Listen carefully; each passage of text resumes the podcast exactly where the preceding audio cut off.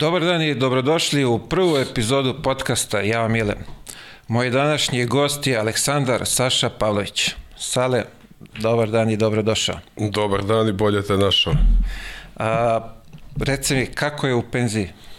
Pa mogu ti reći tačno kako sam i očekivao i planirao tokom cijele svoje karijere, uh, ali čini mi se da sam malo više zauzet kad su djeca u pitanju, nisam očekivao da baš toliko posla ima pored žene što je u kući i obavlja 90% poslova, ja sa tih 10% ne mogu da stignem ništa. Ali u svakom slučaju uživam, uh, uh, gledam djeca kako rastu, pomažem im uh, u, u, u svakom mogućem pogledu što mogu više i to je to. A, faktički ti si sad tu nadzor škola, vrtić, trenizi, Vožnje. Glavni si ovaj prevozni prevozno sredstvo za Bukvalno, bukvalno prelazim dnevno preko 50 km, iskreno ako mi vjeruješ. Jer imam troje djece, jedno 12, jedno 10, jedno 6 godina, svi idu uh, iste škole, različite smjene, najmlađi u vrtiću, svi treniraju po različiti sport, najstariji košarku, čerka tenis, uh, najmlađi futbal, svi su na različitim dijelovima grada i konstantno sam u kolima, ali kao što sam ti rekao, uživam. Ja sam očekivao da ćeš reći 50 km, ali u krugu od 2 km. Ne, pa možda je 20 od tih 50 u krugu od 2 km dnevno. Ali u svakom slučaju uživam i, i Bogu hvala da sam u takvoj poziciji da mogu da učestvujem u tome i da, da me ništa drugo ne ometa i stvarno mi je super. Bravo, divno, drago mi da to čujem. Uh, ajde sad ovako da se vratimo u te mlađe dane. Kako si ti zapravo zavoleo košarku? Pa otac mi se bavio košarko profesionalno dugo i, i vjerovatno od kad znam za sebe sam dobio loptu i, i, i u samom startu mi se svidjela, čak imam neke snimke i slike gdje sam kao beba već sa loptom u rukama i e, vjerovatno mi je tako usađeno, pritom vjerovatno i nasljedno, ali od malih nogu. Bravo, znači ti si faktički imao svoju loptu čim si se rodio. Pa, bukvalno, dobio sam je na uručenje, što se kaže košarkaški. A reci mi, jesi bio od onih igrača što ponesu svoju loptu na teren ako ne igraju, nema lopte ide kući? Pa nisam, znaš što, nisam nešto mnogo, mnogo vremena provodio na basketima ispred zgrade i o, tako kao... Uh, uglavnom sam to radio u sali, imao sam, Bogu hvala, oca koji me usmjeravao pravilno što se tiče košarke i iz tog razloga vjerojatno nisam mnogo vremena pro- provodio na polju na terenima. Bravo. A, ti prve košarkaške korake praviš gde? Primorka iz bara.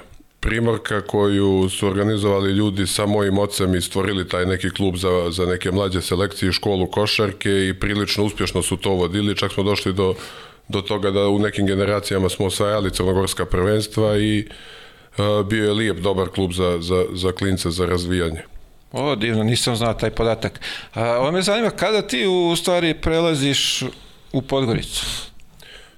Pa sa ne, u stvari da, ne, 15 godina sam imao kad, sam, kad je počelo to neko interesovanje za mene, kad su počeli da se pojavljuju menadžeri, kad su počeli klubovi da zovu, bio sam na par nekih proba, jedna od njih je bila Hemofarm Vršac koji je tada bio, imao veliki potencijal uh, i dobre uslove, međutim na kraju sam se odlučio da, da to ipak bude Podgorica i uz naravno par savjeta bio je tu tada i Dule Vujošević s kim sam se kasnije u karijeri sreo, on je bio neki za mlađe selekcije u, u Podgorici i na taj način sam odlučio da odem u Podgoricu s 15 godina.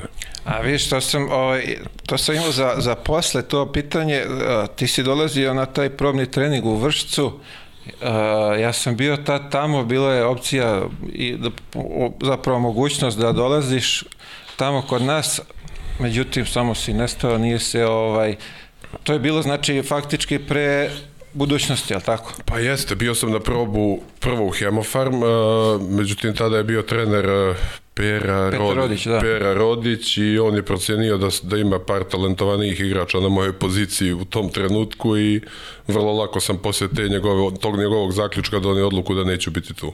Wow, zanimljivo, nisam znao, nisam...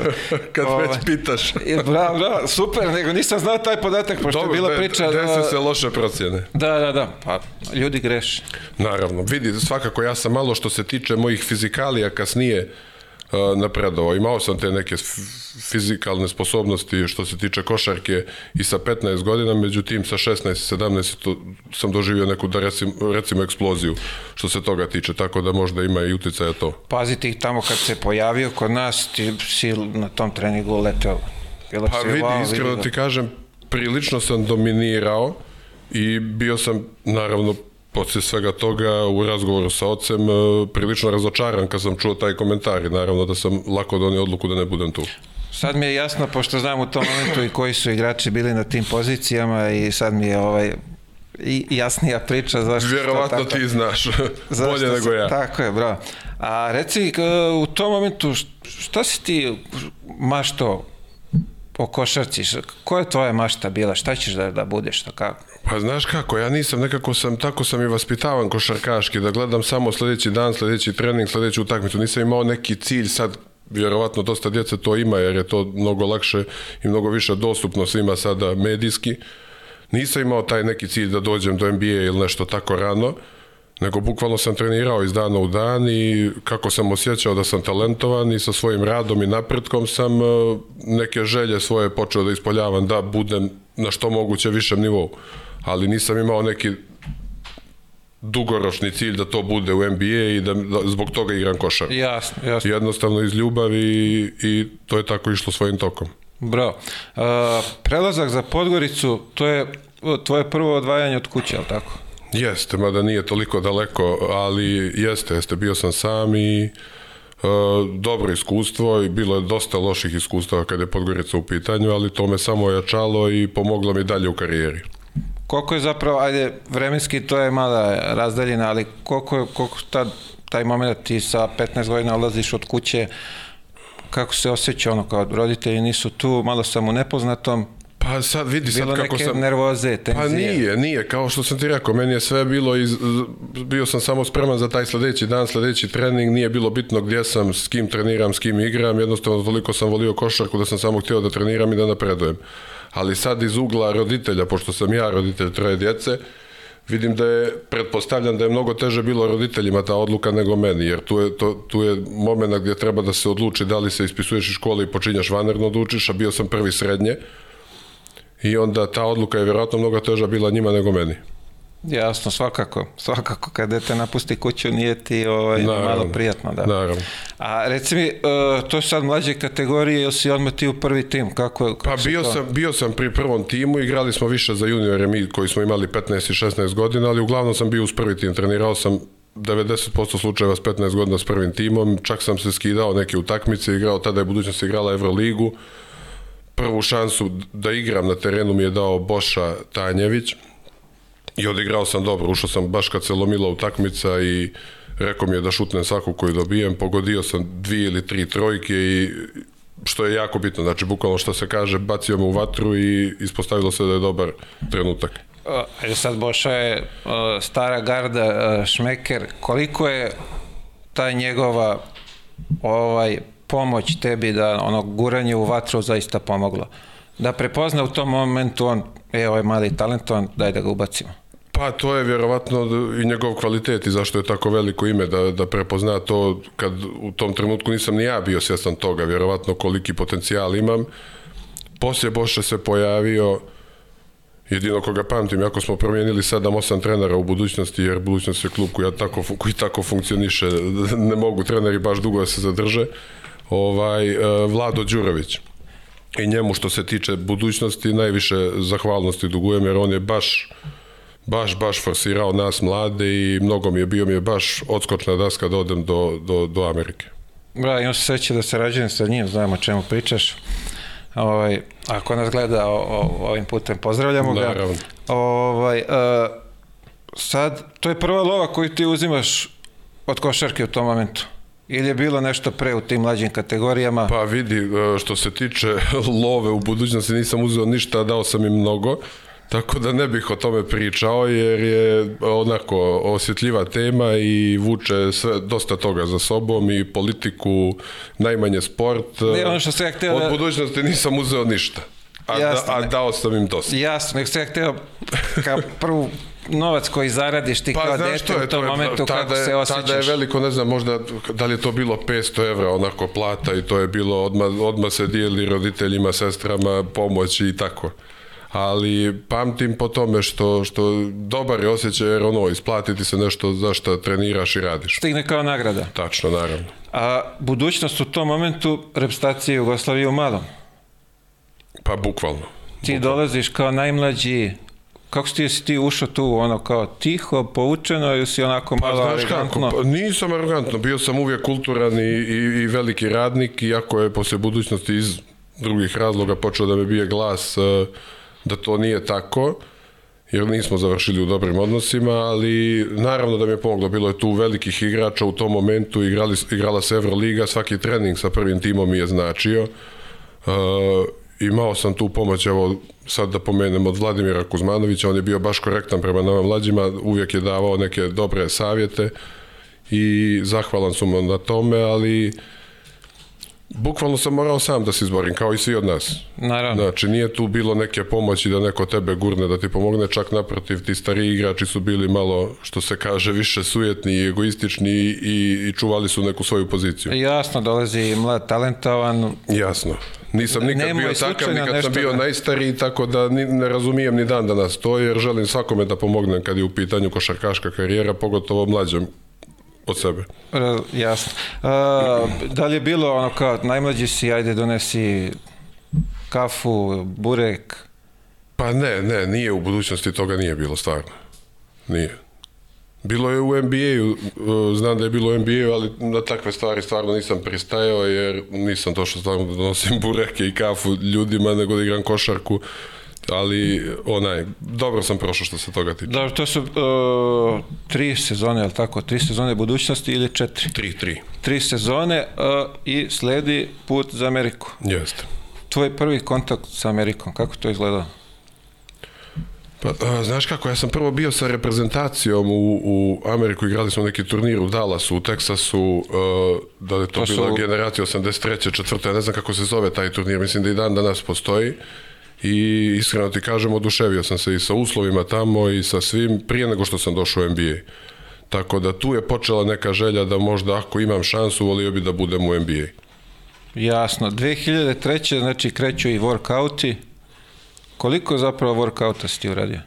Pa ja sam, ja mislim da sam radio 19 u 21 dan, Wow. bukvalno. Trening, avion, Odmah direktno, za- bukvalno, iz grada u grad, e, svaki dan po workout, neki dan i možda dva, jedan ujutro, jedan popodne, ako se pogodilo da je neke, neki klub u isti grad. Uglavnom, dosta naporno, e, bio sam neka prognoziran kao prva runda i onda sam radio te workoute sa, sa igračima koji otprilike trebaju da budu prva runda, tamo otprilike sličnog kvaliteta i dobro sam se naravno pokazao na tim workoutima i zato sam i draftovan u prvoj rundi, moje mišljenje. A reci mi, e, pošto tamo ti workouti, to se skupi gomila trenera, to se zapisuju razni ovaj, parametri, jesi imao neke parametre gdje si odskakao, u, da li se sećaš u nečemu? Pa što se tiče tih nekih e, vježbi i skokova, Tako, odraza i to tako. ne, ne sjećam se, nisam naravno, bio sam atleta što se tiče evropske košarke, ali tamo kad dođeš vidio si i ti u, u, u nižem rangu si, koliko god da si atleta i sposoban fizički, ali igrao sam dobro, 1 na 1, 2 na 2, 3 na 3, pokazao sam se dobro, međutim, što je jako važno da napomenem, uglavnom što se e, igračih, igračkih kvaliteta i, i, i dometa nekih tiče i talenta, e, mislim da su NBA klubovi i ti skauti njihovi mnogo dobro obavješteni. Njima je bitno jako i kakav si van terena. Za, za to postoji poslije workouta neki kao intervju sa generalnim menadžerom, pa ideš na ručak, čisto da vide kako razmišljaš i kakvi su ti planovi. Isto je toliko bitno kao i na terenu. Bravo, bravo, pravo si, da, ima, ima i toga, sećam se, da. A reci mi, t, Juta tebi daje garanciju tada pre draft ili, ili ne? A, Pa nisu mi direktno dali garanciju, ja sam radio s- u sredini negdje neki workout za, za YouTube Jazz i odradio sam ga dobro, ali nisam bio potpuno zadovoljan. I onda sam poslije svih tih workouta, zato ti kažem, a, da, ne znam je li 19 ili 20 bilo, oni su me zvali dva dana prije drafta da dođem na jedan workout. I to je u, u razgovoru sa mojim menadžerima bio indirektno obećanje da će me uzeti. Ako se pojavim. Ja sam, znači, potpuno umoran, mrtav umoran, nisam znao ni gdje sam više, ni koliko je sati, ni koji je dan, jer se to leti iz zone u zonu. Uh, menadžeri su mi rekli pođi i otišao sam i nisam ni radio workout. Samo su htjeli da vide da li ću doći. I Wow. onda, bukvalno, drugim riječima su mi rekli da će me najvjerovatnije oni uzeti. Ali nisu obećali, naravno. Zanimljivo, zanimljiv, zanimljiv test karaktera. Da, to je bila procjena dobra i menadžera i moja da, da treba da se vratim jer nisu vidjeli drugi razlog zašto bi me zvali. Fantastično. Fantastično. A, draft, dan, očekivanja, uzbuđenja, Pa bila je neka pozitivna trema, ali kažem ti, dao sam sve od sebe i prilično sam zadovoljan bio kako sam odradio te workoute i te intervjue van terena i pretpostavljao sam da, da, da ću biti prva runda, ali nisam bio 100% siguran naravno kao što nije niko od nas i tu je postojala trema, ali u svakom slučaju nisam razmišljao dalje od toga, nego ajde da vidimo šta će biti na draftu, pa sutra ćemo o novim stvarima. A, to je, kažemo, ajde, draft u posljednjih 20 godina možda i najjači, ali tako? U, tom, u prvoj rundi su bila, sla, pomozi mi, dva ili tri igrača iz Srbije draftovana. Ti, Žarko, U prvoj rundi smo bili ja, Žare Čabarkapa e, iz istog kluba iz, u prvoj rundi, a Slavko bio je- Vraneš je bio e, druga runda, New York je draftao, znači trojica iz istog kluba smo došli te godine, što je jako veliki uspjeh. Ovaj, teško ga i ponoviti. pa teško. Teško, s Teško će da bude S obzirom da- na to kako se ovdje radi, teško će se To ponoviti. ti kažem, pa teško da će da bude i iz Srbije tri igrača da budu na Teško baš. draftovana. Mada tada je budućnost bila uh, finansijski jako moćna i dobro organizovana i svi mladi talenti koji su mogli da se dovedu tada u, u Podgoricu su bili tamo. Posle toga seliš se u Jutu, državu Mormona, malo čudna sredina. Kako si ti snašao tamo? Pa znaš kako, kao i svi naši što odu tamo, znao sam minimalno engleskog da pričam, dosta toga sam razumio jer nije toliko komplikovan jezik, naučio sam poslije nekih dva mjeseca i da komuniciram. Uh, Utah, Salt Lake idealan grad za, za, za mladog igrača jer je uh, miran, uh, mali grad, uh, nema nešto nekih mnogo velikih mogućnosti da se radi nešto van uh, Nema šta da ga košarke. odvuče od terena. Jeste, veliki su fanovi košarke, imaju samo uh, Utah Jazz kao profesionalni klub, tako da baš je dobro ispraćeno tamo i uživao sam te prve godine, stvarno baš mi je bilo lijepo, imao sam jednog od najboljih trenera svih vremena, pokojnog, nažalost, uh, Jerry Slowna sad, i, i, i dobra ekipa, imao sam iz Evrope Raul Lopeza, Španca i uh, Andreja Kirilenka koji mi je dosta pomagao te prve godine i baš Tu je sam bio i uživao. Giriček, je li tako? Giriček je došao u, u tradu nekom na pola sezone. Aha, aha, ja sam mislio U da je svakom slučaju do, do, dobro udruženje, dobro organizovan klub i lijep grad, pogotovo za, za mladog igrača. Znači, Mnogo bolje faktički- nego Miami ili New York da se ode gdje može dosta toga da te omete i da Jasno, zaboraviš na mnogo košar. toga van terena ti odvuče Tačno. pažnju i i izgubiš se posle, nemate Tačno. tačno. Nemate Što se desilo u, u dosta slučajeva. Poznajemo neke ljude. ovaj, ka, da li si ti zapravo bio spreman za, za taj NBA tada ili koliko si u stvari bio nespreman kad si otišao tamo? Pa znaš kako, uh, i jedno i drugo, i spreman sam bio, ali na neke stvari kad pogledaš, i pogotovo sad iz ove perspektive iz penzije i poslije svog tog iskustva koje sam imao, uh, može se reći da sam i bio nespreman, ali što se tiče, kažem ti opet ponavljam, fizikali i toga, bio sam uh, sasvim spreman, iako sam imao, lupam, 10 kila mišića manje nego na kraju sezone.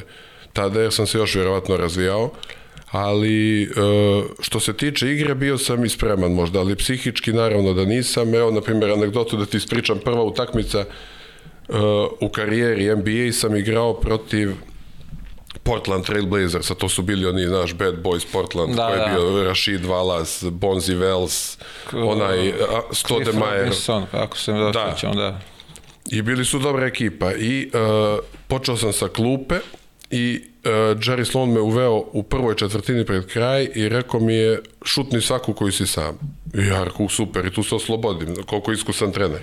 I dam, ja mislim 14 ili 16 pojena na debiju sa jednim promašajem, nešto iz istrčavanja, sve šuteve pogodio I naravno zovem kući, ovo je naravno Da laganica, super, bit će ovo dobro, isto je kao i u Evropi, lagano se daju koševi, sledeća utakmica 10, uh, treća, ja mislim četiri pojena jedva, ja nisam mogao loptu da primim.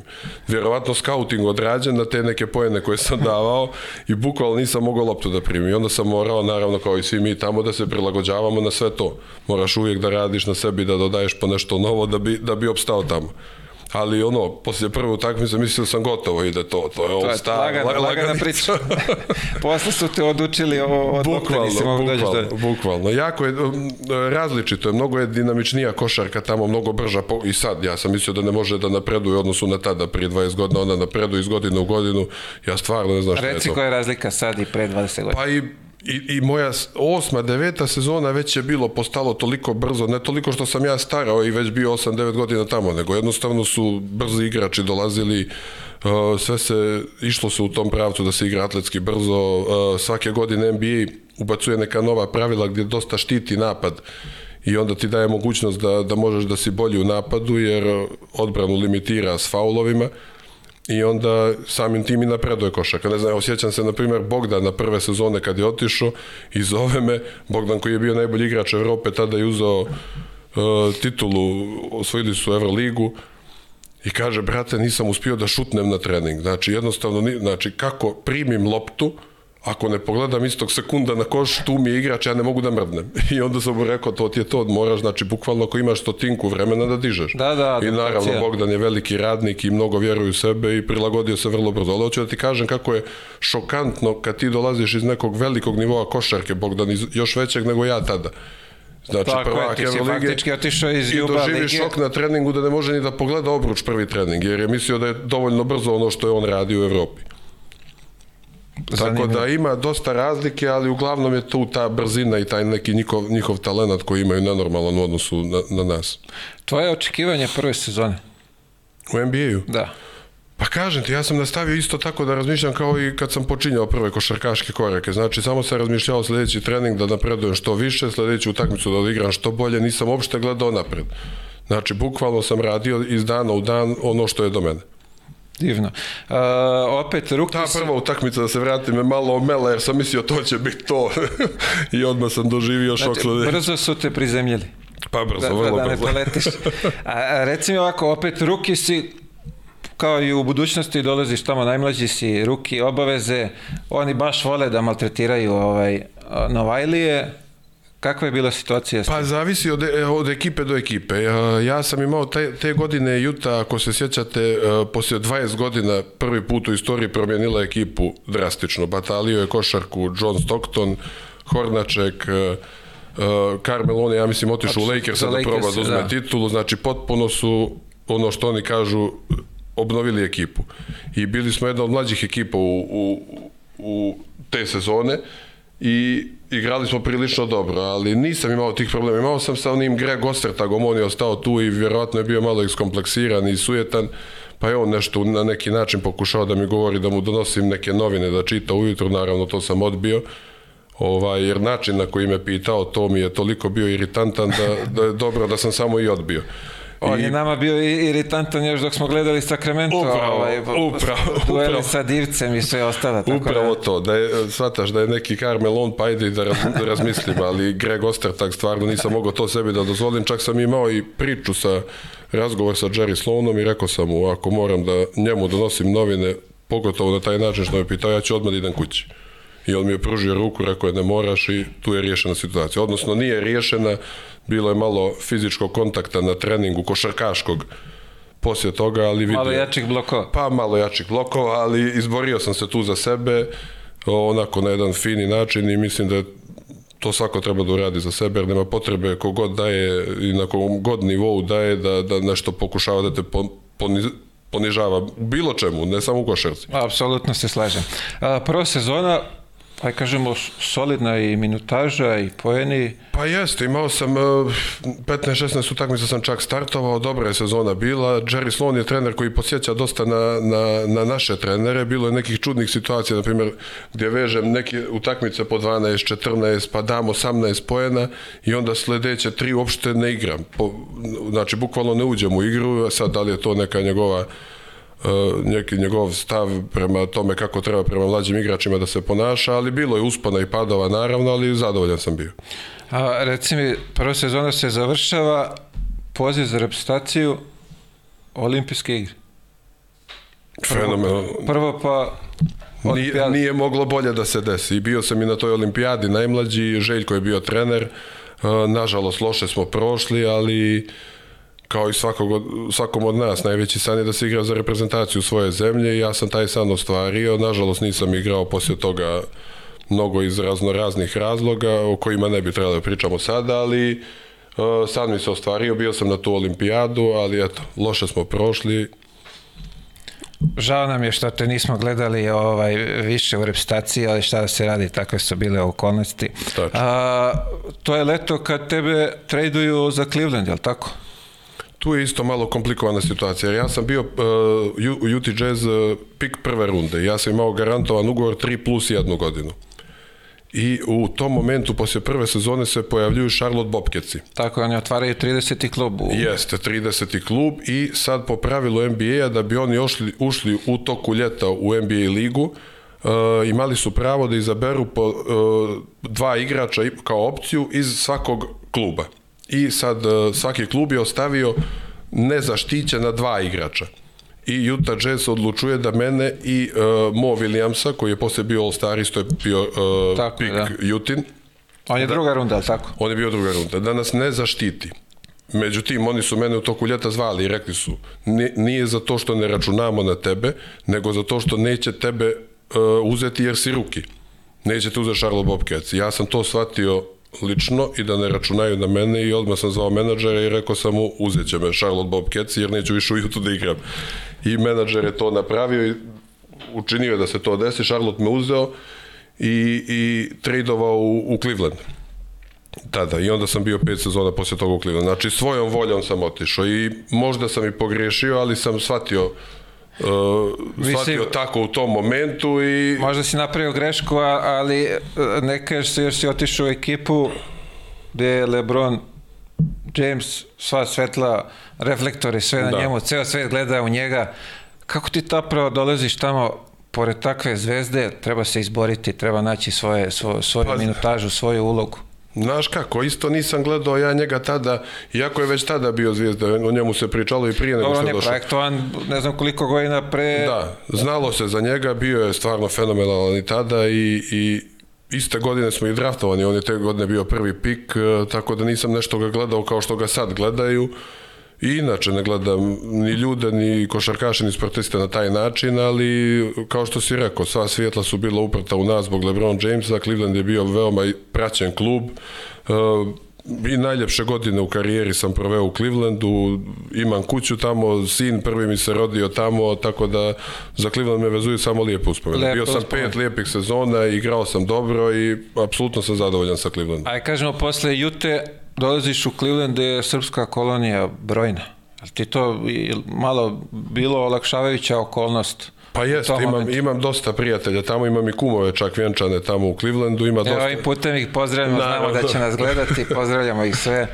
Uh, ima, ima Srpska pravoslavna crkva, tamo ima dosta naših ljudi i sa naših prostora, ali baš Srba ima dosta, tako da baš sam zavolio Cleveland vrlo brzo. A imao si s kim kafu popiti, otići na ručak naravno, što nešto, je, nešto onako kad su želi ova naših... naša kultura odavde, imao si tamo s kim ovaj, da, da uživaš u tome. Uh, uh, sad me zanima ovako, ti si uh, Lebron kao Lebron. Ajde kažemo, on je projektovan, gurali su Cleveland maksimalno, uh, o, o, dve godine posle si uh, potpisao obnovio ugovor, je tako? Jeste, kad mi istekao taj uh, ruki ugovor, uh, četiri sezone, onda sam potpisao tri godine sa, sa Clevelandom. Tako je, u tom momentu ti si startni back Cleveland. Pa bio sam i sezonu i po prije toga. Iz, iz tog razloga sam vjerovatno i potpisao ugovor tri sezone. A onako, izborio sam se, bila je, bila je dobra mlada ekipa, ja sam bio ono u usponu forme i, i karijere, dobro sam se snašao tamo. Uh, i imao sam dobru minutažu tih godina, svake godine sve bolju i bolju što se tiče Cavaliers. A, mene sad zanima ovako, uh, taj period u, u Clevelandu dolazi moment kada ti treba potpiši novi ugovor. Šta si ti očekivao u tom momentu kao startni, startni igrač Cleveland, Clevelanda? Pa vidi, znaš kako, uh, uh, zavisi s koje strane gledaš. Ja sam, ja sam potpisao ugovor te sezone, tog ljeta u stvari, pošto smo igrali finale sa, sa Clevelandom protiv San Antonija uh, i bio sam starter već te, te godine i u finalu sam startovao. Loše smo prošli u finalu, naravno, bili smo već prezadovoljni što smo došli do finala, nije niko to očekivao, jako je bio Lebron u ekipi. Uh, I poslije toga sam tek potpisao ugovor, znači na osnovu toga sam potpisivao ugovor i zadovoljan sam bio sa ugovorom, sad neko kaže da je moglo i više da bude, neko i manje, tako da uopšte nisam gledao što se tiče novca, gledao sam da što duže ostanem u Clevelandu i što bolje da igram. Da, ok. A, reci mi sad, ajde ovako, a, saigrači, ko je od, tebe, od njih ostavio najjači utisak na tebe? Od svih ukupno Od svih, gde, gde god da si bio, ko je najjači utisak ostavio na tebe? Pa vidi, ima ih tu dosta sad, ono, mislim, logično je da je to Lebron zato što je on najveća zvijezda i jedan od najboljih košarkaša svih vremena možda i to opravdava i dan danas. Evo, ja sam već osma, deveta godina van eh, NBA, on i dalje igra na istom nivou, ako ne i većem. To je stvarno za svaku pohvalu. Ali bilo je tu dobrih saigrača i uh, sa svima sam imao super odnos i odnosi sa dosta njih se i dan danas čujem. Uh, najviše se družim i, i čujem s ovim Varežaom, Brazilcem koji je sa mnom u Clevelandu igrao i Luskasom isto koji je igrao u Clevelandu, ali u svakom slučaju svi su dobri, svi imaju nešto svoje, svi su različiti i od svakog sam naučio dosta. Kad kažeš od svakog sam naučio dosta, uh, od koga se više na, naučio, od igrača ili od trenera? Pa znaš kako, uh, što se tiče uh, Amerike, ja mislim da se vidi i od jedne, i od jedne, iz jedne i iz druge strane, ali uh, mi smo ti koji smo na terenu i koji moramo po instinktu da igramo i da stvaramo situacije, tako da uh, savjet bolji može da ti da igrač koji je prošao kroz to nego trener po mom mišljenju, a najbolja kombinacija je kada je trener koji je bio igrač i onda zna i kako se osjećaš u datom momentu i kroz šta prolaziš i u svakom slučaju možeš da se nauči i od jedne i od druge strane. Dobro, kod njih je baš popularno, bukvalno to igrači iz patika odmah prelaze za, za, za glavne trenere. Imamo Steve Nesha, imamo Jason Kida u poslednjim ovim godinama koji su, pri tome obojica su genije, što se tiče bili parketa, mislim da, da imaju mnogo toga da, da pokažu sad kao i, i treneri. Pa jeste, oni su, za njih su, ono, oni su tip igrača za koje se pretpostavljalo u toku karijere da će biti treneri i da će biti vjero, vjerovatno uspješni treneri. I e, vjerovatno će doći na taj nivo gdje su, gdje su im ekipe u vrhovima u, u play-offu i to, ali vjerovatno nije ni jednostavna ta tranzicija, jer potpuno je drugačije kad si trener, moraš da se prilagođavaš igračima, moraš da se prilagođavaš gazdi, moraš da se prilagođavaš navijačima, E, sponzorima, novinarima, mnogo je teže biti trener. Jasno, oni su do tad bili uh, ti zbog koji je taj show ceo i pravljena, sada prelaziš u nešto gde više nisi u prvom planu, nego je taj koji je na terenu. Da, čak naprotiv, jedva čekaju da te smijene, jer tako je, tako je nekako napravljena atmosfera što se tiče NBA i Amerike. Ovaj, posle Clevelanda kreće malo onako neki čudan period, kratki ugovori, Jeste. ništa nešto na one kao long term, nego je sve nešto po godinu. E, poslije Clevelanda, čekaj, to je znači šest sezona sam završio. E, pet u Clevelandu, jedna u Juti. Onda sam e, sedmu sezonu, šesta sezona u Clevelandu mi je bila loša, igrao sam loše, kompletna ekipa je igrala loša, malo se stvorila neka loša atmosfera jer su očekivali od nas poslije te godine finala da budemo uvijek tu A ste očekivali sledeće titula s tobom? Naravno. Što se nije ostvarilo, onda sam, znači ugovor mi je isteko, posle loše sezone, menadžer u tom momentu nije mogao da mi nađe nešto što se meni sviđalo, naravno iz, iz razloga što nisam igrao dovoljno dobro u tom momentu i, i što nije on dovoljno moćan u tom momentu bio. Nudile su se neki klubovi i onda sam odabrao Minnesota jer sam se čuo sa tadašnjim trenerom Kurt Rambisom koji je rekao da hoće da se, da, da, da, pošto sam najstariji tu, imam iskustva, da se igra preko mene, da rade rebuilding i da, da ću imati dosta prostora za igru i odlučio sam da odem u Minnesota, što je bila potpuno pogrešna odluka, jer ja nisam u tom momentu znao šta znači rebuilding, jer sam došao iz neke ekipe koja je pet sezona bila u play-offu i u vrhu i e, igrali smo play-off do ljeta svake godine, to bilo to druga ili finale ili finale istoka ili finale NBA u neki klub koji po mom mišljenju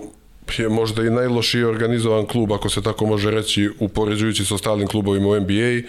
Taj rebuilding je, ne znam, u predsezoni sam pitao generalnog menadžera koji je plan ekipe, šta se, čemu se teže ove godine, gdje mi on rekao, pa tu 8 do 12 pobjeda, treba da draftujemo jednog igrača, drugog igrača, gde sam ja bio u šoku totalnom, wow. da, da, da, da neko predsezone pretpostavlja da ekipa neće imati više od 12 pobjeda. Ja.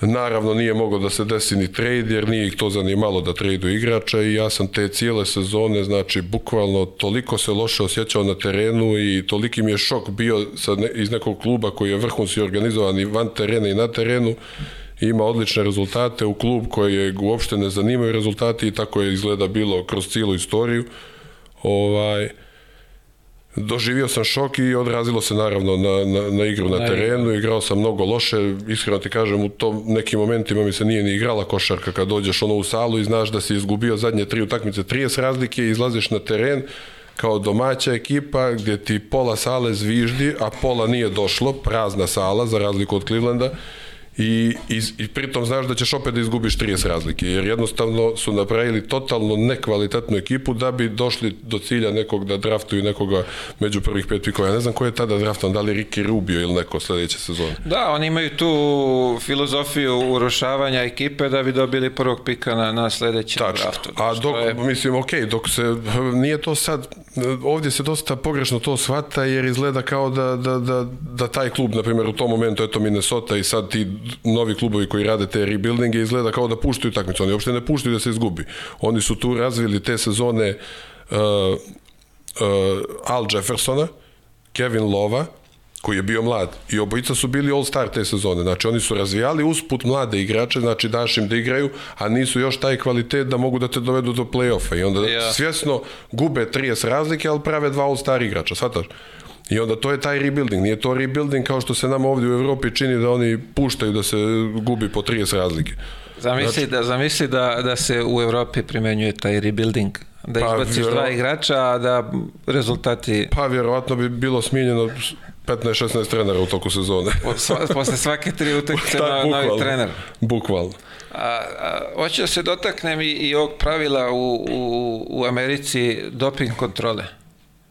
Kako si ti, kad si upoznao s time, kako si ti objasnili šta, šta se pa, zapravo iskreno, dešava? Ja sam baš e, bio neprijatno iznenađen sa tim, jer to se radilo, e, u stvari prve godine kad sam došao, to je bilo dva puta prije sezone, i poslije nema testova. A, međutim, poslije su promenili, naravno, jer se zlupotrebljavalo, jer u Americi je potpuno normalna stvar ovo da se radi sa marihuanom i to. Ovaj, onda su ubacili četiri testa u toku sezone, ali e, da ne prijavljuju kad dolaze. Znači, i potpuno ono što oni kažu random. Tako, to je kad dođu, zateklo dođu tamo, da, u salu i kažu da nas su Mile i Saša moraju da odrade e, test urina i nema izlaženja iz sale dok se ne uradi. U slučaju da se desi da izađeš, da, da zaboraviš, odmah si pozitivan na testu. Tako su gledali na to. I onda je, prilično je neprijatno jer tu stoje ljudi pored tebe, kontrolišu, moraš da piješ mnogo tečnosti jer posle treninga naravno ne možeš da, da, da odradiš to i onda se ostane po 5-6 sati i baš su bili striktni što se toga tiče. Ne, ja sam bio zapanjen kako su oni meni objasnili četiri puta u toku sezone, oni samo banu, izvade ko će ovaj ko je taj dan na, na, na, na programu, ali ono čime se ja stvarno ono iznenadio je bilo, e, ako si nešto uzimo, e, bolje reci pre nego što ovaj, kreneš da, da daješ mokraću, jer ćeš imati olakšavajuće okolnosti ako pronađu. Jeste, jer ako, ako ti pronađu, smatraju, ako ti pronađu, a nisi rekao, smatraju većom kaznom i onda moraš da ideš na neka, prvo što plaćaš novčano, drugo što ide javno, ne znam, poslije lupam prvog pozitivnog testa plaćaš novčano i, i ideš na neka predavanja, ja ne znam da li... Odvikavanje droge. Pa otprilike tako nešto. I to je obavezno u toku sezone i sve o svom trošku. A drugi put ako te uhvate onda i novčano, pa treći put ako te uhvati i suspendovan si i javno se govori da si Da, da, ta prva dva puta je... ne priča se nikom, zna se, ali se ne priča. Da, da, ali je rigorozno, baš je rigorozno. Ne, ja sam ono bio frapiran kao, ej, uh, izvinite, ja sam malo naduo sinoć, pa ako možete, sad vam ja kažem, pa mi progledajte. Da, ali to su neke stvari, ok, jer oni tamo to gledaju sve kao biznis. Ti, ok, tebi klub sad zna, oni će ti progledati kroz prste, neće ti progledati kroz prste, bit ćeš ti kažnjeni novčano, neće se znati javno, ali klub će ti znati. I automatski tvoja pozicija košarkaški gledano opada. Sad, ako si ti toliko neodgovoran da te stvari radiš, da ti klub zna, ti znaš da te tamo čekaju na prvu lošu odigranu utakmicu klupa, druga van ekipe si i te sezone završavaš sa košarkom. Treća trade. Tač, bukvalno, znači sve oni dozvoljavaju. Nemaš ti tamo kao u Evropi, na primjer, obavezno spavanje u 11 ako se sutra igra. Njih apsolutno to ne zanima. Ti možda izađeš u grad do 4, znaš i sam, ujutro, ali ako odigraš dobro sutra dan, apsolutno ih ne zanima. Kao da ali ako vežeš dvije, tri utakmice da loše igraš, pa se onda zapitaju zašto, aha, izašao si tri dana, pio si, hajde igra neko drugi. A sad reci mi kad spominješ i izlaske i to, a, koji je moment, koji period taj u, u toku sezone kad nisi znao ni gde se nalaziš, ni u kom si hotelu, ni u kom gradu?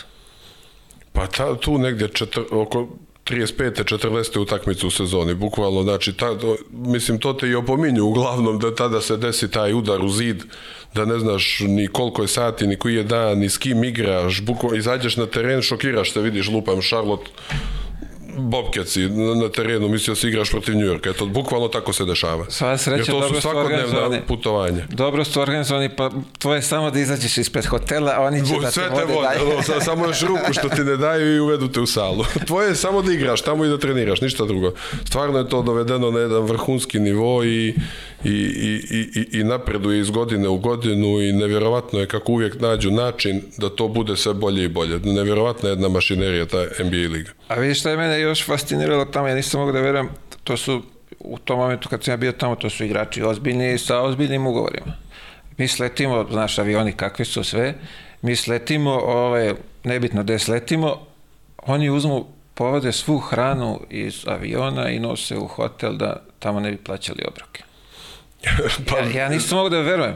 Vidi, znaš što je, to je pa vjerovatno e, vuč, vuku iz e, detinstva, to neko siromaštvo koje su, pošto znaš da tamo, da, da tamo crnci dosta lošije žive i vjerovatno im je ostalo da kad je god besplatna hrana, tu sam. To, to im bukvalno tako su vas pitani. Kad je besplatno, nebitno je si li ti Lebron ili neki koji ima najmanji ugovor, svi uzimaju kad je besplatno. Ponesi da se ne baci. Ali vidi, zadnjih par sezona kad sam bio su ubacili, uh, znaš da imaš ono, kako se zove, dnevnicu kad odeš Tako u goste, je. da bi mogao da jedeš obroke, jer nema ono timski ručak, doručak večera kao što to ima u Evropi. Uh, ti, ti timske ručkove i doručka imaš samo onaj kad je back to back, je li tako? Bar je Zavisi ako to ekipa hoće, ali su pored tih znači dnevnica zadnjih tri ili četiri moje sezone ubacili i, i da imaš konstantno hranu u hotelu švedski sto, znači i na doručak i ručak i večeru. Kad god hoćeš ima ta jedna prostorija u hotelu gdje neko iz ekipe može da se spustiti i da jede. Znači, pored svega toga oni su se izborili i za to. Napreduju, viš, razvija se, košarka se razvija. Pa znaš što je, to ti je player asocijacija, jer ti imaš paralelno NBA asocijaciju i NBA player asocijaciju. I igračima sve što smeta, znaš i samo oni se obrate player asocijaciji i onda se dolazi do, do, do kompromisa. Kad se ne dođe, dođe do lokauta. I i ta player asocijacija, odnosno igrači se stvarno bore za nešto što je, što je efikasno na kraju za njih. Jer prije su bili treninzi, ne znam, kao i u Evropi, da trener može da trenira ako je nervozan ekipu 4 sata, da razbija od treninga. I onda, na primjer, treća moja sezona, druga u Clevelandu, sjećam se tačno uh, da ispričam sad kad već smo došli do toga. Nama je Erik Snow, jedan stari igrač, bio kapiten. I oni su u, u toku ljeta, player asocijacija se izborila da uh, da u predsezoni, ono kad imaš 5 dana priprema, kad možeš da imaš dva treninga dnevno, isto je moglo da te razbija trener da se radi kondicionalno kako hoćeš i ujutro i uveče i teretana i šut i trčanje sve. I onda se player asocijacija izborila da može pripreme da budu samo 3 sata dnevno. I onda su treneri isplanirali da je ujutru teretana i šut ukupno sat vremena, a uveče 2 sata. I tačno se sjećam, bilo je ujutru sat vremena, uveče trening, jaki i sati 59 trener je htio da da još jednu vježbu i Erik Snow kao kapiten je rekao prošlo je dva sata da li treba da zovem player asocijaciju. Ne, ne, izvini i pre, prekinuo se trening. Znači, odmah se svi prešaltaju na to. E sad, zamisli našeg nekog kapitena da našem nekom treneru kaže, izvini, ima još minut, treba da zovem. Taj više ne bi išao, ušao u igru, je li tako? Kogod da je u pitanju. Tako, ali e, nije to iz razloga da se ne bi treniralo, nego su tada već znali koliko je bitna svježina i koliko je bitan odmor isto koliko i trening, shvataš? Dobro, oni su, daleko su oni ispred evropske košarke i u organizaciji i u košarci i rehabilitaciji mi može samo da se ovaj nadamo da ćemo jednog dana dostići pa, taj nivo. Ja se stvarno nadam jer, jer i u Evropi ima toliko talentovanih igrača da, da, da treba se malo više samo posvetiti igračima i, i koji su na terenu i koji učestvuju i mislim da će samim tim sve napredovati. A, posle toga povratak u Evropu, Partizan. Kako se to, kako je došlo od toga? A, pa znaš kako, imao sam, uh, uh, znači završio sam sa NBA-om, trenirao sam još to jedno ljeto cijelo, bilo je ponuda iz NBA, ali neki polugarantovani ugovori koje sam ja znao kako funkcionišu i nisam htio da prihvatim, jako su mi rekli da će od januara postati garantovani pa će biti cijela sezona, za svojih deset sezona to još nisam E, vidio, jer svako je u januar dobio otkaz koji je imao polugarantovani ugovor, ali nije ni bitno i nisam to htio da prihvatim. Bilo je ponuda iz Kine, bilo je ponuda, ne znam, iz e, Turske i to sam sve odbijao. I dok sam trenirao bukvalno do februara, sa društvom sam gledao svaku utakmicu Partizana i onda sam vidio da su u lošoj situaciji i onda je uslijedio poziv Danilovića i Duleta i naravno prihvatio sam odmah i, i došao. Iako nisam uopšte stvarno planirao, volio sam uvijek, htio sam da igram za Partizan jer od malih nogu navijam za njih i, i ta želja mi se ostvarila i drago mi je da sam igrao. A, a sad ovako, ti posle, aj kažemo, američkih tih mekanih trenera dolaziš kod Duleta Vuješevića. Pa vidi, nisu, ok, odavde gledano djeluju mekane, u stvari su treneri koji, koji samo pomažu igračima da budu što bolje Mislim, njihova uh, reakcija na, na... Pa ne, njihov način kako vode ekipu je potpuno drugačiji što kažeš mekani u odnosu na evropske trenere, pogotovo naše kad vidiš odnos igrača i trenera. Jugoslovensku školu. Da, da, stara naša škola koja je poslije američki i najuspješnija na svijet. Ovaj, Pa vidi, bilo mi je zanimljivo od samog starta. Znao sam ko je Dule, čuo sam sve o njemu. Prvi kontakt sam s njim imao u budućnost kad sam došao te prve godine s 15 godina. Uh, sve mi je bilo zanimljivo. Kompletna situacija, uslovi, putovanja, cimer u sobi. Bilo mi je šokantno, ali zanimljivo. Bukvalno sam uživao u tim ajde da kažemo da ne ispadam prepotentan, ali u, u, u lošijim uslovima nego što je u, u NBA-u. Jasno, ti u, u NBA-u sam imaš svoju sobu, nema niko da ti smeta, maksimalan komfort, dolaziš ovde u autobusu, 7 sati, levo, desno. Fenomenalno, fenomenalno. Imam, sobi. imam par, imam par e, nekih slika iz nekih hotela gdje smo bili ovdje kad je počela naša liga da se igra, to je znači nevjerovatno, znači to ne daj Bože da se pošalje i uporedi se sa tim u Americi, ali kažem ti, bilo mi je zanimljivo, ipak sam ja došao iz takvih uslova, nisam ja rođen u Ameriku kao neki princ i, i u pet zvijezdica hotel Jasno, ali devet godina ti sad prelaziš sa, jeste, sa konja posle, na magarca. Jeste. Mislim jeste, što se uslova tih, ne, ne jeste, kao kluba. ali bilo mi je zanimljivo i Partizan je klub koji volim i uživao sam stvarno te prve sezone, što sve to mi je bilo nekako novo i, i, i navijanje i klub i putovanja i sa igrači što kažeš i cimer u sobi. Odjednom poslije 10 godina imam cimera u sobi teško se navići na te stvari ali uživao sam. Sve su to naravno bili dobri momci dobri igrači Dule selektovao ekipu ja mislim isto toliko koliko je talentovan, bilo mu je bitno da bude i dobra osoba, tako da ta ekipa je te dvije sezone što sam bio po nekoliko mjeseci u Partizanu bilo fenomenalno. A meni je ono što mi je zapalo za oko, uh, mnogi mladi treneri bi da budu Dule Vujošević, ali neće toliko vremena da provedu u, u hali kao što je on provodio. A ne, ne, stvarno to način na koji Dule se posveti igraču, koliko god to izgledalo strogo u, u nekim momentima, ali način na koji se on posveti igraču kad želi da mu pomogne da postane to što može je stvarno neverovatan, to je znači maksimalna posvećenost i, i, i trebalo bi svi da su mu zahvalni na tome. Uh, svi koji su prošli kroz njegove treninge i to njegovo vaspitavanje na terenu i van terena. Jer stvarno to je takvu posvećenost još nisam nigdje vidio prema mladom igraču. Ti si, ajde, ako mogu tako reći, te godine uh, Bogdanu bio kao mentor u, u ekipi. Pa vi, znaš što je, ja kad sam došao, ja stvarno nisam nikoga znao iz ekipe, osim uh, Kinsija koji je jedne sezone igrao sa mnom u Clevelandu. Za, bukvalno sam samo njega znao, od naših igrača nisam poznavao nikoga, bili su mnogo mladi, baš nisam znao ni, ni, ni kako igraju, ni koliko su talentovani, ništa, ali za Bogdana sam čuo vrlo brzo i od uleta i, i, i samim tim što me prvo putovanje stavio Bogdana sa mnom u sobu, vidio sam da je on možda taj neki kod na koga Dule računa. I, i, i taj odnos između uh, Bogdana i Duleta je stvarno bilo zanimljivo uh, iskustvo za mene i, i dosta sam naučio iz toga i bilo je dosta toga zanimljivog u Partizanu. Uh, vi ste tu sezonu uh, krunisali trofejama, je li tako? Jesmo pored dosta problema, tu je bilo svega, tu sam onako, bilo mi i to zanimljivo te prve sezone, jer e, to je bila neka indirektna borba Partizana Duleta protiv, e, ne znam, raznih ljudi koji nemaju neki uticaj na terenu košarkaškom i onda mi je bilo zanimljivo prve sezone da slušam o tome. Međutim, druge sezone, e, kad sam malo došao sebi i kad sam vidio da su to neke stvari nebitne u odnosu na ono što meni treba na terenu, dosta mi je smetalo.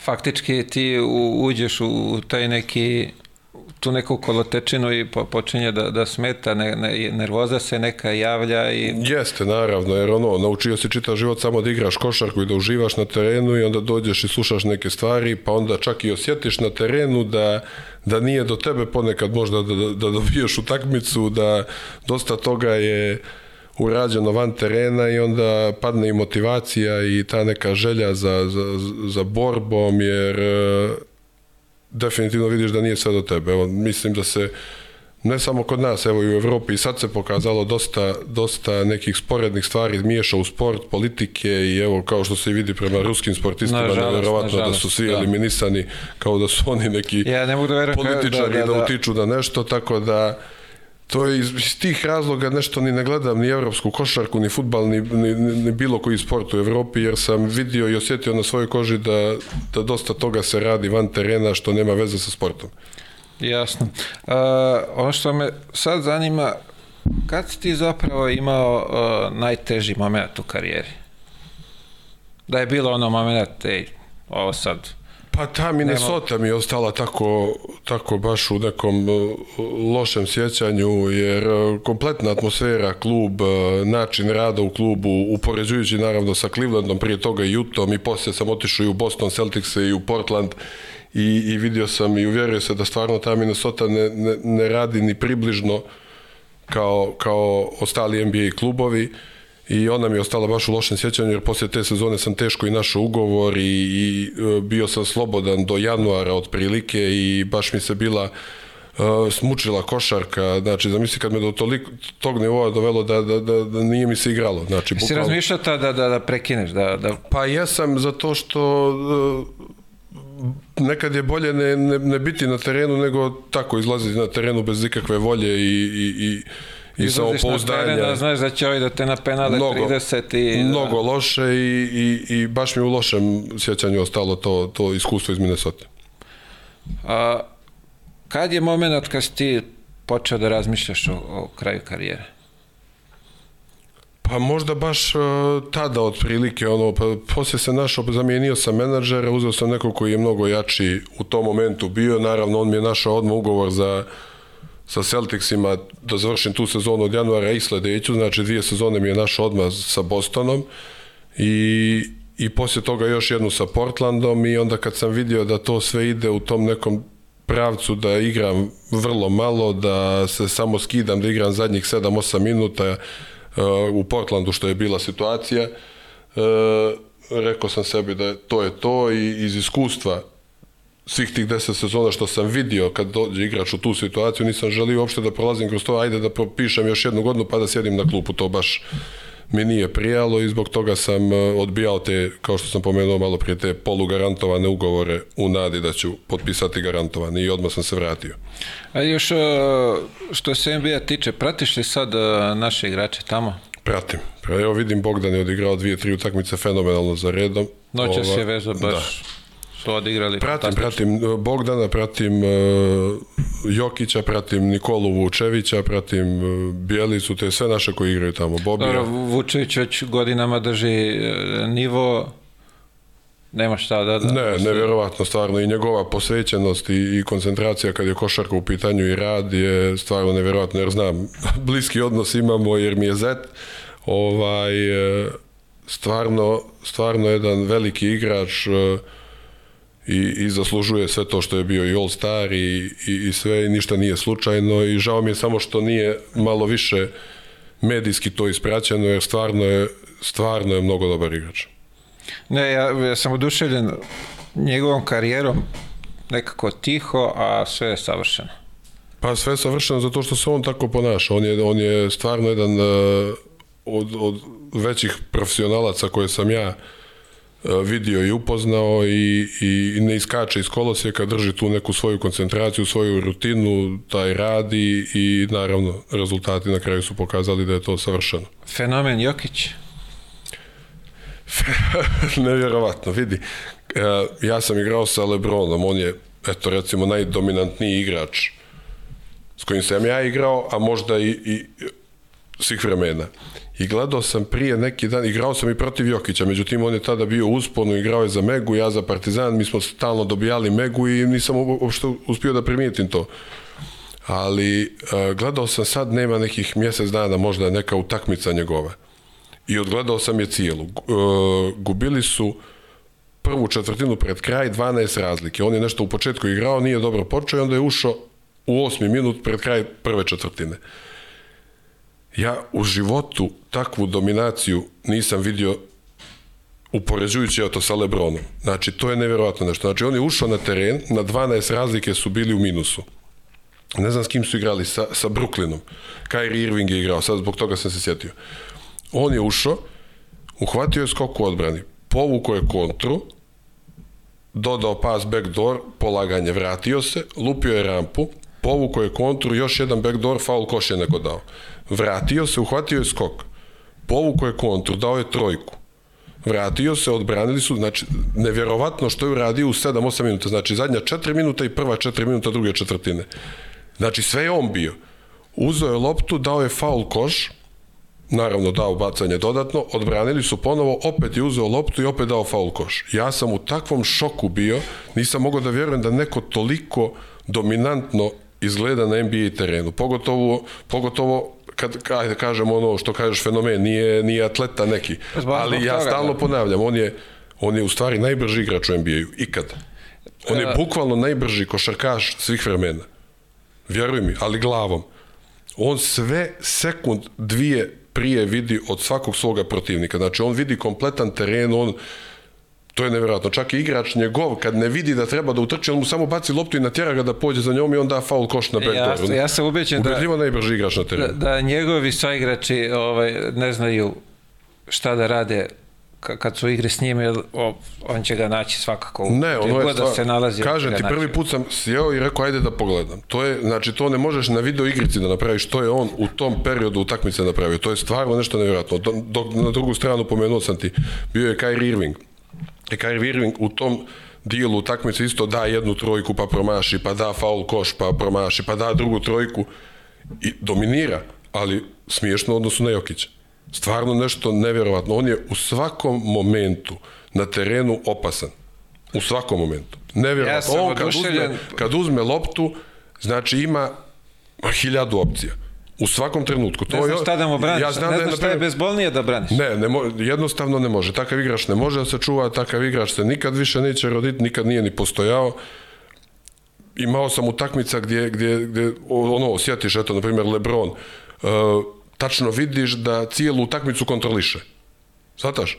To je dominacija neka, ali to opet nije ni blizu ovoga što Jokić radi na terenu. Stvarno, kapa dolje, on je nešto neverovatno i mnogo mi je drag, znam mu braću i znam njega, igrao sam protiv njega i, i mnogo mi je milo zbog njega. Pogotovo što je na taj način ne atletski, po NBA standardima dominira. Ne, to, totalno kontra od onog što oni tamo zagovaraju, što forsiraju. Ovo je totalno neki drugi smer koji obarate, ono, fascinirate šta čovjek radi. Bukvalno fascinira. Pritom ima trenera koga jako cijenim, on je bio meni pet sezona, Mike Melon, uh, pomoćni trener u Clevelandu, bio je zadužen za odbranu, ali je super osoba, fenomenalan lik, interesantan, mnogo voli Srbiju još iz tog perioda kad sam kad je Jokić vjerojatno igrao tu u juniore, pionire, šta je bio već. Uh, svake sezone kad dođem, on mi je neke novosti o Srbiji pričao, o Balkanu, sve je znao o Srbiji, kad god igramo, ne znam, protiv bilo koga, nekoga lupam iz Hrvatske, on, a, hoćemo da dignemo tri prsta, bukvalno čovjek znao sve. I mnogo interesantan bio i mnogo je bio jak karakter i vidjelo se da će da bude mnogo dobar trener. I onda kad sam vidio da je Jokić draftovan i da će on da bude trener, znači nije mogla bolja kombinacija. Zna znači, da je to on je to. sigurno, ono, košarkaški rečeno zaljubljen u Jokića. Želimo im uspeh. Naravno. Da li će, ima šanse da bude back-to-back -back MVP? Pa vidi, on uh, zaslužuje. Problem je samo malo što kad se oko MVP pozicije radi, da oni gledaju mnogo rezultat ekipe i poziciju ekipe u tom momentu. Da, ali on faktički celu sezonu igra sam. I, pa to je ono, Mara, ja se nema, nadam, nema, nadam se da će, da, će, da će uzeti u obzir da nema dva igrača iz petorke i da je sam dovodi ekipu do play-offa. Jer ovamo imaš Embida o kojem priča, on je stvarno isto dominantan, ali na neki sve, način da. fizikalije, znači nije to inteligencijom kao što je Jokić. I e, ako uzmu u obzir to da je da, da, da bez dva igrača iz petorke igra i da tako igra i da je ekipa u play-offu na zapadu, mislim da će biti MVP. Bilo bi... Zaslužuje, mislim to bi bilo ono što zaslužuje i na, za nas neverovatno, ali definitivno boljeg igrača u NBA-u nema. Koliko ćemo tek porasti mi kao nacija u tom momentu? Pa, Dok ne odbije poziv za reprezentaciju. Pa vidi, znaš što je reprezentacija vrlo škakljiva tema i njegova strana se još nije čula. Smatram da, da postoji debeli razlog zašto on igra i možda ne treba uopšte provocirati tu priču jer svako ima neku ne znamo šta je, Ne znamo šta je iza, ali mene ono što je, što je zasmetalo sad prošlo leto, uh, dečko neće se pojaviti. Ok. Ali da Savez ne izađe sa saopštenjem, kaže, ok, dečko se neće pojaviti, podržavamo ga, jer taj dečko će nam trebati narednih aj kažemo 10 godina da nosi reprezentaciju. Da ti kao savez ne izađeš daš podršku da ispadneš meke. Ne znamo šta je, šta je pozadina, koja je, koja je situacija. Ne znam, ne znam. kad je Savez u pitanju, je... Savez vodi neko ko je jako uh, pametan što se tiče rukovodstva u košarci i bio je jedan od naših najvećih igrača, tako da ne vjerujem da, da, da on griješi, ali što kažeš, treba naći rešenje, jer takvog igrača, znači, kad, a kad možda nađeš samo a, a, ako razgovaraš. Pa ponekad ne može ni to, možda oni znaju što je ta pozadina, pa znaju da ne može da se razgovara sa njim. Jer kažem ti iz ličnog iskustva. Baš iz ličnog iskustva i onda bolje možda ne dirati, ali meni je, što je meni krivo, opet iz ličnog iskustva, što, što, što se medijski odma napada on a pritom nije Jasne. rekao svoju stranu. Jasne. Koja bi ne pretpostavljam bila a... možda i šokantna, ne znam šta, ne, stvarno ne znam o čemu se radi. Dobro, ali ali nas... ne možeš da pretpostavljaš i da, da pokušavaš da omalovažavaš takvog igrača zato što ne znaš zašto on igra za reprezentaciju. I ljudi jako teško primaju to k srcu i to je, jav, to, je, to je naravno normalna stvar, jer svi želimo našoj reprezentaciji da bude najbolja. I onda kad najbolji igrač se ne pojavi, naravno hoćeš da njega kriviš. Ali treba treba imati rezerve jer razlog sigurno postoji. Sigurno, sigurno. Ono meni što, meni što smeta je, poznavajući njih kao, kao porodicu, da oni Srbiju vole više od svega na svetu. Tako da malo je to sve... I još jedan razlog više da se malo spusti lopta i da se, da se ne, ne napada čovjek koji, koji je sigurno patriota i voli svoju zemlju i predstavlja je na najbolji mogući način, na najbolje mogućem mjestu. A kažemo, I... posle Novaka Đokovića Tačno. Prvi sledeći koji to najbolje radi Tačno. za Srbiju. I, i, I treba malo rezerve tu i ne treba odmah napadati jer sigurno postoji neka druga jasno, strana. Jasno. Uh, sad kad si spomenuo već uh, Irvinga, uh, može prokomentarišem ovo zabranjeno mu je da igra, a čovjek došao sedi iza klupe gleda utakmicu. Ja ne znam u kom pravcu ide ovaj svijet, ali sve je... Čak su ga posle otišli u slačionicu i kaznili su ga koliko već njega ili ekipu. Totalna konfuzija vlada kompletnom planetom, ne znam o čemu se radi, svako ima neko svoje mišljenje što se tiče korone, evo sad i rat u Ukrajini i i, i, i neka pravila su nam nametnuta koja je bilo prije 5-6 godina nemoguće da ti je neko rekao da ćeš morati da nosiš masku, da nećeš moći ovo, da ćeš morati ono, da ćeš rekao bi, ma daj, nema šans. I dešava se nešto jako čudno u svijetu i tako, takve neke odluke, pogotovo opet se vraćamo kad sport ispašta, to je stvarno katastrofa. Jer sport je nešto najbolje što se dešava na planeti. I sad kad je sve to umiješano, i to je isto neka vrsta politike, kao što su ovamo sportisti iz Rusije potpuno eliminisani, i klubovi, i individualno, ljudi koji nemaju veze sa politikom i koji se bave sportom, isto tako sad u Americi, ne znam, eto, pola Amerike nije obavezna vakcinacija, pola jeste. I sad imaš igrača Lupan koji u Orlando, ja mislim, neće da se vakciniše, ali on može da igra svuda a on pošto je u Njujorku, gde je obavezna vakcinacija, on ne može da igra. Mislim, da, to je nešto od države do države. situacija da. što si rekao je stvarno Ja, ja fasciniram, gledam čovjek ulazi, seda iza klupe, i svi kao... A... Blago rečeno bolesna situacija. Evo vidim i Lebron se nešto javio sad da mu je nevjerovatno da, da takvu glupost još nije vidio, stvarno da ti možeš da dođeš da gledaš utakmicu, a da ne možeš da igraš, pritom bez maske svi u sali to je neko pokazuje mišiće na sportiste, to je stvarno nevjerojatno tužno. i ide u, u lošem smjeru sve. Tužno. Uh, sad je mali ovaj uh, deo, nećemo, nećemo dugo, uh, da kažemo ovaj neki edukativni za, za mlađe koji su nas budu gledali. Koliko zapravo ljubavi i posvećenosti je potrebno za, za, za uspehu?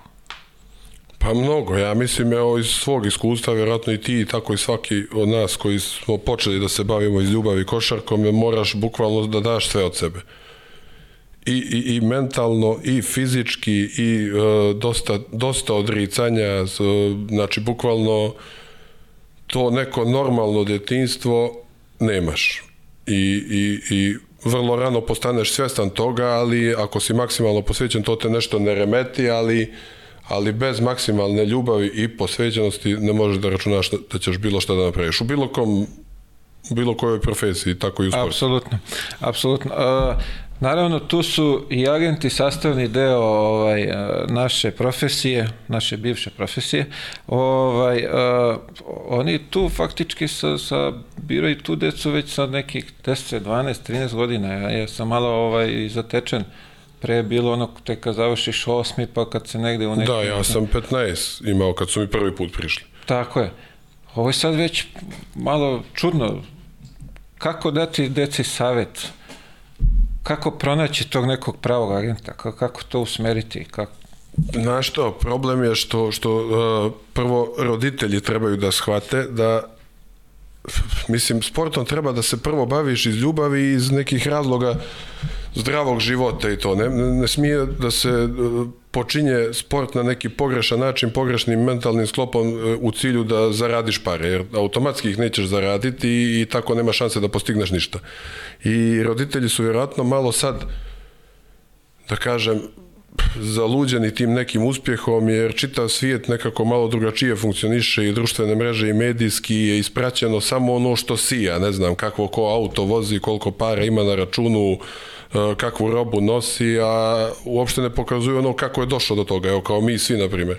Koliko je tu znoja e, proliveno i, i, i rada uloženo i, i odricanja i svega, i mislim da roditelji treba da usmjeravaju djecu da se bave sportom isključivo iz ljubavi i, i, i lijepog, život.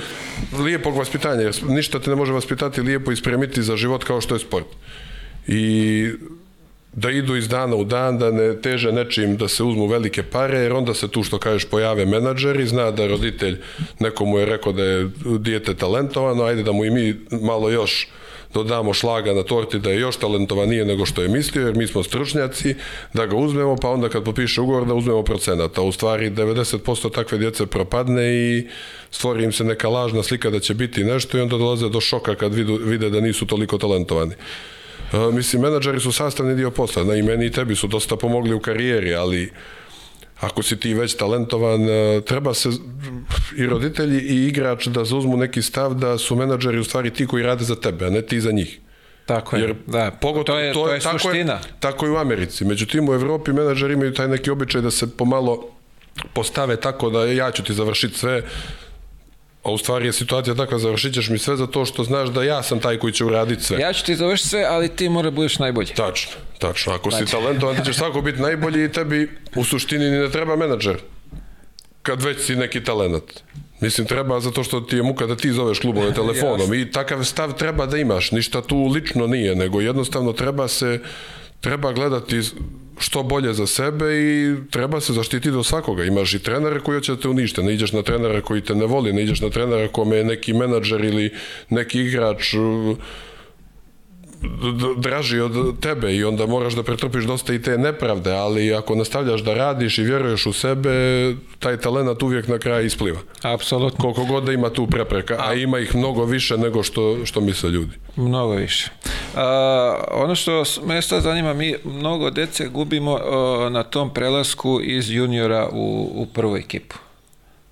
Kako tu sad ovaj, posavetovati ih? Da li, ajde kao da opcija da juriš već u lovu da seš na klupi nije, a, da juriš manju to lovu da ćeš opcija. da igraš. Opcija je da samo što više igraš. Tako je. Moje mišljenje. Tu se slažemo. I treća opcija koja je meni isto sasvim korektna, je karijera sportiste kratko traje.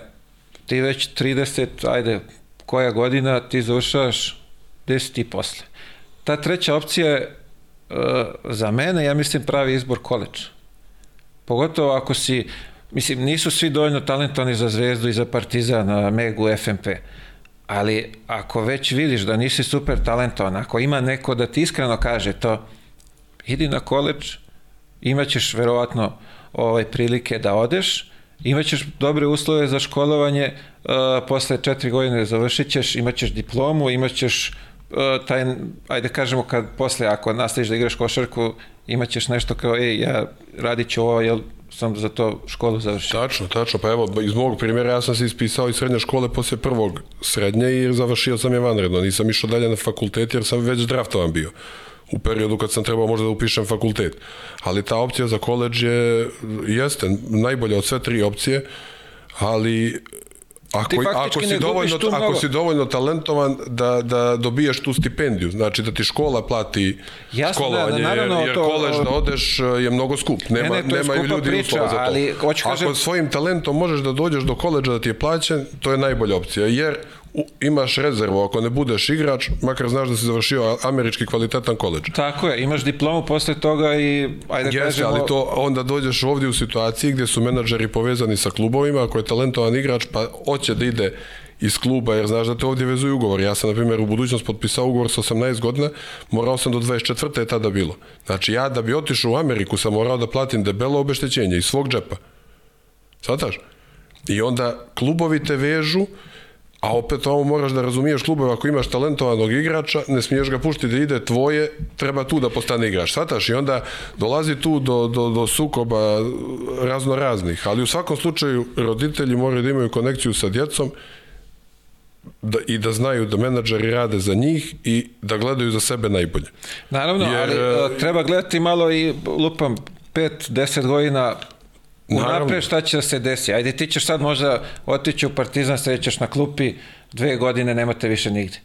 Ideš na koleđ, završiš, imaš diplomu, ako Najbolja opcija, ali spada nekorektno ti... prema našim klubovima. Svataš, i onda naša košarka gubi. Ja to razumem. Jer svi ne teže ovdje, taj, zašto... Ne gubiš ti njega. Pa dobro, evo, na primjer, situacija, situacija sa ovim malim uh, Koprivicom koji je sad u Partizan došao. Završio je fenomenalan koleđ, vratio se u Partizan igra dobro. On je talentovan, ekstreman je talent, vjerovatno će da završi NBA i nadam se doće jer ima taj, te mogućnosti i kvaliteta. Ali Miran je s druge strane jer završio koleđ. To, tako da to je najbolja opcija. O tome, baš o tome pričam. Jer, momci, izaberite koleđ, idite na koleđ, školujte se, karijera kratko traje. Dođite u 32. nećete znati šta da radite, imate da. diplomu, šta god, ne znam šta, već berza, šta šta god već tamo budeš Šta god, naučio. tačno pravo si, jer mala, mala je vjerovatnoća da će se postići, na primjer, ovo ja, da, da ja, Bogu hvala, ne moram da radim. Svataš? Veoma mali procenat nas dođe do te situacije da igra košarku i da od nje može na kraju da živi. Pa, veoma mali to procenat. Je, uf. Tako da, da taj savjet što kažeš je najbolji od svih. Ako imaš opciju da ti se školovanje plati, da imaš tu stipendiju, savršeno. Pazi, oni e, tebi daju to školovanje, oni moraju da znaju da to uopšte nije mala suma, to To zna da bude po 20, 30, 40 hiljada godišnje. Jeste. Puta upravo zbog toga kažem, ako imaš dovoljno kvaliteta da dobiješ stipendiju na koleđ, to je najvjerojatnije naj, najbolja opcija za, za mlado košarkaša. Pošto... Ali ovdje je problem što ti već sa 15-16 godina potpisuješ profesionalni ugovor. Sa 18 ga samo potvrđuješ. Ja ne znam kako to ide sad po... Kad sam ja bio, ja, shvataš, imaš obavezu prema tom matičnom klubu obeštećenja ako ćeš da ideš. Ali mislim da nema obeštećenja ako ideš na koleđ. Ti ideš na školovanje, ne ideš ti da igraš za, za kintu. E to, ove te, ta pravila ne znam, ali u svakom slučaju to je najbolja opcija. Jer uh, nagurat će se svi u Partizan, uh, Zvezdu, Megu, FNP, nebitno gde će se na... Od tih tamo 12 super talentovanih, izaći će možda 2 do 3. Mnogo si rekao. Jedan. jedan, ajde, jedan. Znači, momci, nije sve, gledajte na školovanje, gledajte naravno, na obrazovanje, naravno karijera kratko traje, posle će bude, wow, šta ćemo sad, gde, gde ćemo, Upravo. kako ćemo. Da. Uh, poslednja dva pitanja, uh, zatvaramo, zatvaramo ovaj prvi podcast. Da li si ti zadovoljan svojom karijerom? Pa jesam, znaš što, sve, dao sam sve od sebe. Ono kad sagledam sad situaciju, malo možda sam mogu u nekim situacijama drugačije da odradim, ali bilo bi stvarno nekorektno i, i potpuno nerealno da kažem da nisam, jer postigao sam i više nego što sam sanjao da mogu ja da postignem iz tako nekog malog grada iz, iz bara da, da, da odem i do, dosegnem te visine, tako da ja sam, moram reći, zadovoljan sam. Bravo. A, sad kad bi imao mogućnost da se vratiš u neki period, da li bi nešto menjao ili bi sve isto? Pa ima situacija gdje bi mijenjao, gdje bi ostavio isto, ali, ali opet se ne bi žalio da bude sve isto ponovo. U svakom slučaju možda eto ta Minnesota, uvijek se vraćam, to mi je rana, e, možda bi gledao da to ne bude Minnesota nego neki drugi klub, ali i to je jedno dobro iskustvo koje mi je dosta značilo poslije, tako da i to gledam kao pozitivnu stvar. Bravo. Sale, hvala na ovom divnom razgovoru. Bilo je zadovoljstvo. Hvala i meni veliko. Čuti tvoje priče. Ovaj, dragi gledalci, ako vam se svidelo, zapratite kanal, bit će novih podcasta uskoro. Vidimo se, prijetno.